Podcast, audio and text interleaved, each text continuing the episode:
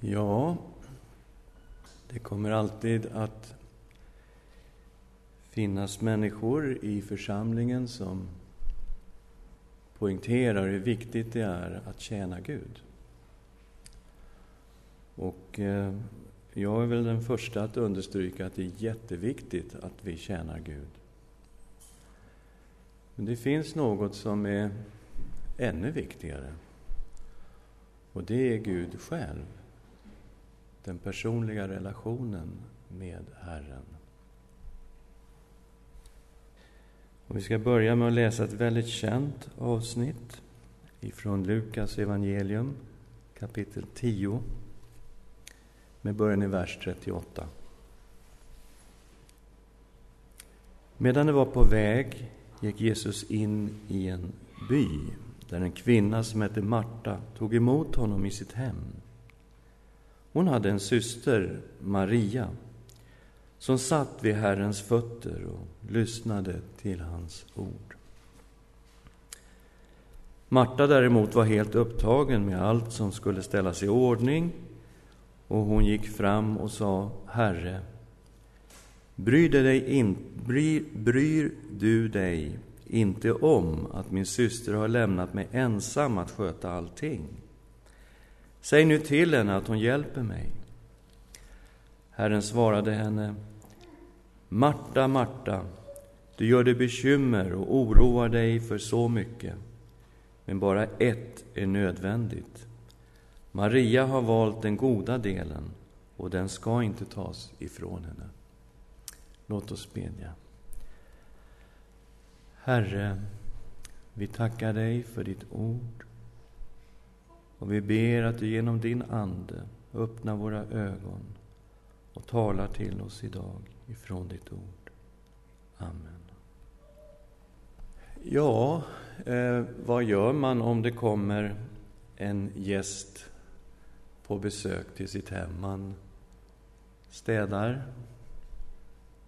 man eh, lagar mat, man ser till att gästen har det jättebra och man jobbar väldigt hårt för att den här gästen ska verkligen känna sig välkommen. Nu var det här inte vilken gäst som helst. Hur skulle du göra om Jesus Kristus, Guds son, kom och hälsade på hos dig. Jag menar, det, det skulle ju vara en sån fantastisk gäst som man skulle göra precis allting för att den här gästen skulle känna sig riktigt välkommen i mitt hem. Och Marta, hon, hon var en sån människa som ville att gästen skulle känna sig välkommen. Hon var generös. Det var hon tydligen som tog emot Jesus i sitt hem. Och hon var hela tiden upptagen med att tjäna den här gästen. Nu eh, hade hon en syster som inte var lika upptagen med att städa och laga mat och göra ordning för att gästen skulle känna sig välkommen. Utan allt det här verkade den här systern Maria har lämnat åt Marta. Och Marta blev ja, irriterad, kan man säga. Eh, kanske arg, jag vet inte, men hon blev i alla fall inte särskilt glad. Hon sa till Jesus, Herre, bryr du inte om att min syster har lämnat mig ensam att sköta allting? Säg nu till henne att hon hjälper mig. Och det är väl rimligt, eh, kan man tycka, att Jesus skulle säga, ja men visst, det vore väl bra om din syster hjälpte dig lite grann och sa att ni kunde göra den här måltiden tillsammans. Och ibland så kanske man har framställt Marta i lite då, dålig dager. Man tänker, men hon var ju knappt en troende, men hon var verkligen en sann troende Marta. Och det ser man inte minst i Johannes 11, när Jesus kommer till deras by, när deras bror Lazarus har dött. Och eh, Marta träffar Jesus först och säger, Herre, om du hade varit här så vore min bror inte död. Ja, säger Jesus, men han ska uppstå igen. Ja, säger Marta, jag vet att han ska uppstå. Vid uppståndelsen, på den yttersta dagen, då ska han uppstå.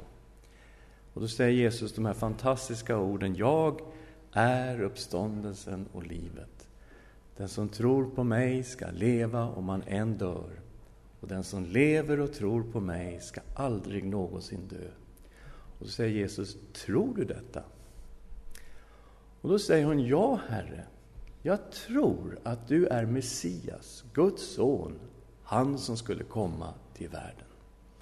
Så Marta har en bekännelse om Kristus som är precis i enlighet med Guds ord och som väldigt få människor i evangelierna hade förstått. Något som Gud på något sätt hade uppenbarat för Marta, vem Jesus verkligen var. Du är Messias, Guds son, han som skulle komma till världen. Så vad vi kan säga om Marta var att hon var en sann kristen som tjänade Jesus på det sätt som hon tyckte vara möjligt och bäst och det som passade henne. Men Maria då? Ja, när Jesus kommer in i deras hem så sätter hon sig ner vid Jesu fötter. Och där sitter hon och lyssnar på hans ord. Och Det är klart att den som hade kommit till deras hem var ju inte vem som helst. Det var Guds son. Det var Messias som hade kommit till deras hem. Han som var i sin person Guds ord. Hans ord var ande och liv. Han hade kommit. Och där intar Maria lärjungens plats vid Jesu fötter och sitter där och lyssnar på vartenda ord som utgår ur Guds mun, ur Kristus. Och när Marta säger, ja men eh, säg åt henne att ställa sig upp och hjälpa mig. Då svarar Herren henne, Marta, Marta, du gör dig bekymmer och oroar dig för mycket. Men bara ett är nödvändigt. Maria har valt den goda delen och den ska inte tas ifrån henne. Och det är så att det är väldigt mycket i den här världen som är jätteviktigt. Men Jesus säger att det bara är ett som är absolut nödvändigt. Och vad kan vi förstå ifrån det? Ingenting är viktigare än den personliga relationen med Gud. Vi kan tjäna Gud, vi kan göra jättemånga bra saker som är mycket, mycket bra och som Gud säger jättebra om. Men det viktigaste, det är den personliga relationen med Herren.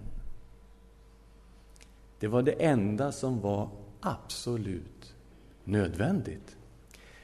Och Maria hade utvalt den goda delen och den ska inte tas ifrån henne. Maria vid Jesu fötter. Det står inte så ofta om Maria i Nya testamentet. Men på några ställen står det ju om Marta och Maria, de här systrarna. Och i Johannes 11, när Jesus kommer till det sörjande huset deras bror har legat i graven i fyra dagar. Och det är många människor där för att trösta dem i sorgen över att deras bror har dött. Och efter att Marta har träffat Jesus så kommer också Maria att få träffa Jesus. Och vi läser i Johannes 11, vers 32. När Maria kom, kom till den plats där Jesus var och fick se honom föll hon ner vid hans fötter och sa till honom, Herre, om du hade varit här skulle min bror inte ha dött. När Jesus såg att hon grät och att judarna som följde med henne grät blev han häftigt upprörd och frågade var har ni lagt honom?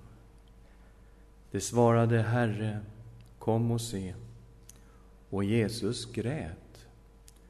Då sa judarna, se hur han älskade honom. Och sen går Jesus vidare till denna grav, ber en kort bön, befaller dem att ta undan stenen och ropar med hög röst, Lazarus, kom ut. Och han som hade varit död i fyra dagar kommer ut ur graven. Maria, var är hon någonstans? Vi hittar henne vid Jesu fötter. Här sitter hon inte och lyssnar på hans underbara undervisning, utan här gråter hon, utgjuter hela sitt hjärta all den sorg hon bär på inför Kristus, den ende som kan göra något. Och vi kommer ibland i sådana situationer som människor. När vi vet ingen råd. När allt är förbi. Och även då i den situationen kan vi gå till Jesus och gråta och berätta hur det är. Och Jesus, han är inte hård. Han blir berörd av våra tårar, av våra, när vi utgjuter våra hjärtan inför honom. Och det är inte många ställen i skriften det står att Jesus grät. Han grät över Jerusalem. Men också vid det här tillfället så gråter Jesus och visar starka känslor. Och vi vet att han sen gick till graven och uppväckte Lazarus från de döda.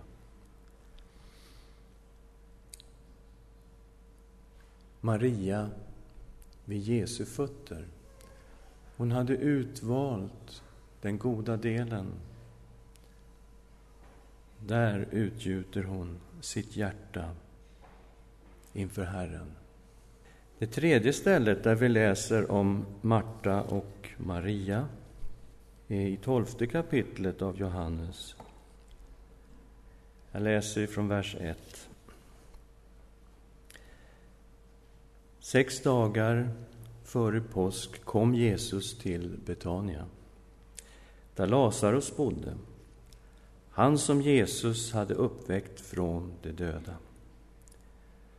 De ordnade där en festmåltid för honom.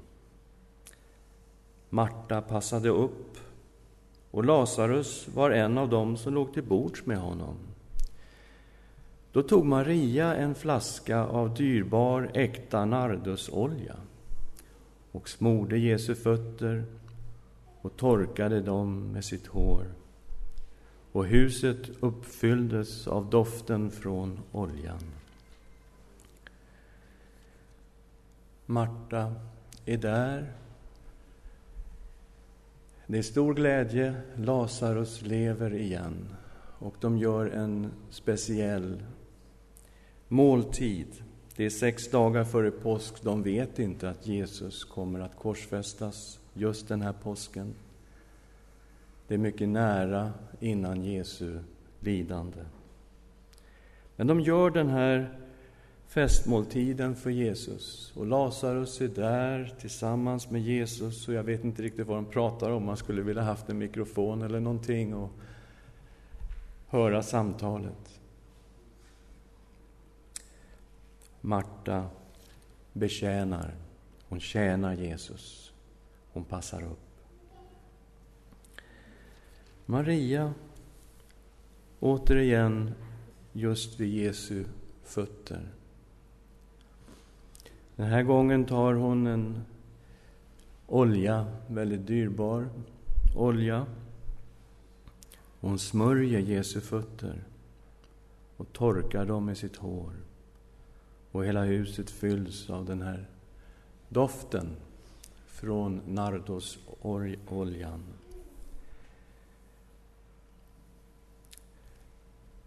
Jag tror att hon gör det här av tacksägelse. Hon vill tacka Herren för allt. Kanske framför allt för att han väckte brodern Lazarus till liv från de döda. Men det finns också tillbedjan, hängivenhet i det här hon gör. Uttrycker tacksägelse till Jesus. Och hon gör det vid Jesu fötter. Det kommer alltid att finnas många som är som Marta ibland oss, och det är mycket nödvändigt därför att vi är kallade att tjäna Gud. Så det Marta gör är mycket gott och mycket bra när hon tjänar Herren. Men Maria, hon hade valt Herren själv. Och det är ännu viktigare än att tjäna honom är den här just personliga relationen med Herren. Att sitta vid Jesu fötter och lyssna till hans ord, Guds ord. Gör det till en vana, till en daglig vana, att lyssna till Jesus. Att sitta vid hans fötter och utgjuta sitt hjärta gråta kanske, be för människor, ropa till Gud, till den ende som kan förvandla, som hör och svarar på bön.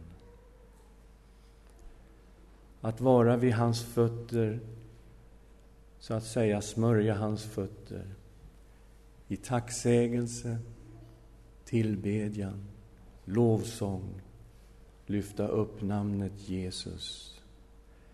Tänk att välja ut det här som det primära, som det första, som det viktigaste.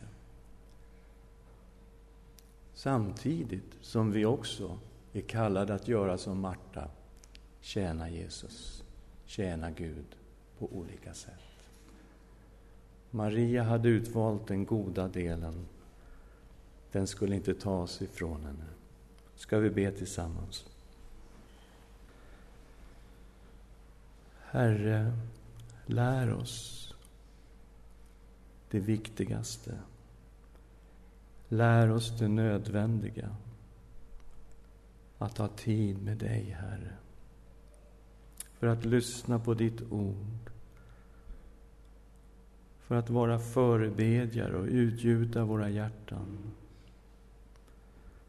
Men också för att vara tillbedjare bära fram vår tacksägelse och lovsång.